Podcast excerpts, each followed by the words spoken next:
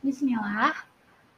Kali ini saya akan membacakan kalibrasi spesial Agustus tahun 2020, tepatnya pada tanggal 28 Agustus 2020, dengan tema perkembangan anak usia sekolah. Pada kalibrasi spesial Agustus tahun 2020, eh, ini membahas tentang perkembangan anak usia sekolah yang mana usia sekolah dasar adalah masa penting dalam pembentukan karakter anak.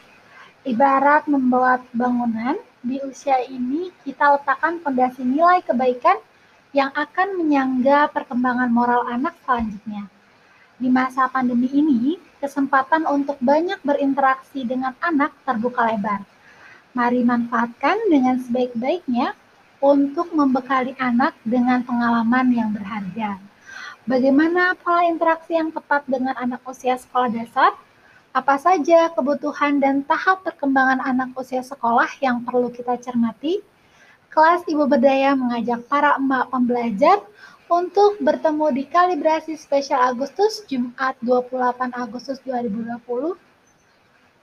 Waktu itu pukul 20 sampai 21 dan biasanya memang seperti itu. Dengan tema perkembangan anak usia sekolah bersama Rizka Melia, seorang praktisi pendidikan. Nah, silakan uh, menyimak ya. Bismillah.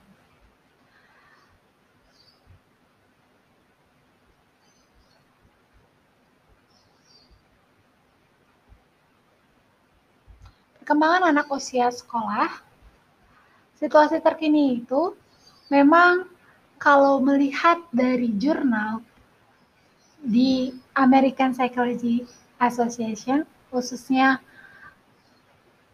yang menulis adalah Bapak Kroman pada tahun 2020, parents are facing elevated stress related to reduced access to concrete resource and to skyrocketing unemployment rate. Jadi, orang tua pada Agustus 2020 dan rasanya sampai sekarang ya Bun, itu beberapa sedang mengalami masa-masa uh, ketidakstabilan dalam pekerjaannya. Mungkin ada yang di PHK atau uh, bekerja dari rumah, yang mana semua itu perlu adaptasi. Nah, jadi orang tua zaman sekarang memang sedang menghadapi masa yang rasanya belum pernah dialami pada masa sebelumnya. Selain harus bekerja, juga harus mendidik anak di rumah bekerja sama dengan para guru, dan bagaimana berinteraksi dengan mereka. Maksudnya dengan anak. Dan itulah pentingnya untuk memahami perkembangan anak. Memang kenapa sih kita harus memahami perkembangan anak? Karena pertama, agar untuk memahami tujuan pengetahuan pengasuhan jangka panjang. Memahami tujuan pengasuhan jangka panjang. Kedua, mengobservasi dan memahami aspek-aspek penting perkembangan anak. Tiap tahap perkembangan saling berkait. Kegagalan di tahap perkembangan tertentu dapat berpengaruh pada perkembangan anak di tahap selanjutnya. Kemudian mengaktifasi dan memfasilitasi setiap tahap perkembangan dengan cara yang berbeda. Mengelola ekspektasi kita sebagai orang tua dan juga untuk mengembangkan potensi optimalnya anak untuk memberi dukungan dari semua pihak.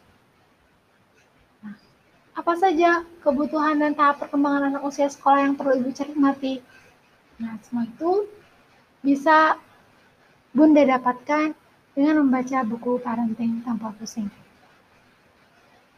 Dan juga mengikuti kelas Telegram Ibu Berdaya tentunya. Nah, kalau berdasarkan buku dari Bayunda Fitrian, yaitu Parenting Tanpa Pusing, itu anak itu memang sangat dipengaruhi perkembangannya oleh orang tuanya, apalagi pada masa-masa awal. Dan menurut Sayyidina Ali bin Abi Thalib radhiyallahu anhu, ada tiga pengelompokan dalam cara memperlakukan anak. Usia kelompok 7 tahun pertama, 0 sampai 7 tahun, melakukan anak sebagai raja. Kelompok 7 sampai sorry, kelompok 7 tahun di usia uh, kelompok 7 tahun kedua yaitu usia 8 sampai 14 tahun perlakukan anak sebagai tawanan. Kelompok 7 tahun ketiga yaitu usia 15 sampai 21 tahun perlakukan anak sebagai sahabat. Bagaimana pola interaksi yang tepat dengan anak usia sekolah dasar? Um, salah satu ilmuwan psikolog yang bernama Colbert meyakini bahwa perkembangan moral anak itu terjadi karena melalui interaksi dengan orang lain, melalui respect, empati, dan juga cinta. Nah, itulah berarti respect, empati, dan juga cinta itu rasa hormat, rasa mampu memahami perasaan orang lain dan juga cinta itu adalah bahan bakar penting untuk mengembangkan khususnya moral, perkembangan moral mereka. Karena perkembangan itu ada banyak macamnya. Salah satunya adalah perkembangan moral. Orang lebih telah sekelumit bahasan dari perkembangan anak usia sekolah. Dan sumber pustaka yang dijadikan bahan dasar adalah The Psychology Book 2012 Morality Developed in Six Stages, Lawrence Colbert, page 1289, dan juga bukunya Mbak Yunda Fitrian pada tahun 2019, Parenting Tanpa Pusing, yang diterbitkan oleh Alex Media Komputindo, dan juga APA Division, dan juga Generasi Muslim Asal Blogspot.com. Demikian yang saya, saya sampaikan, semoga bermanfaat untuk semuanya. Wassalamualaikum warahmatullahi wabarakatuh.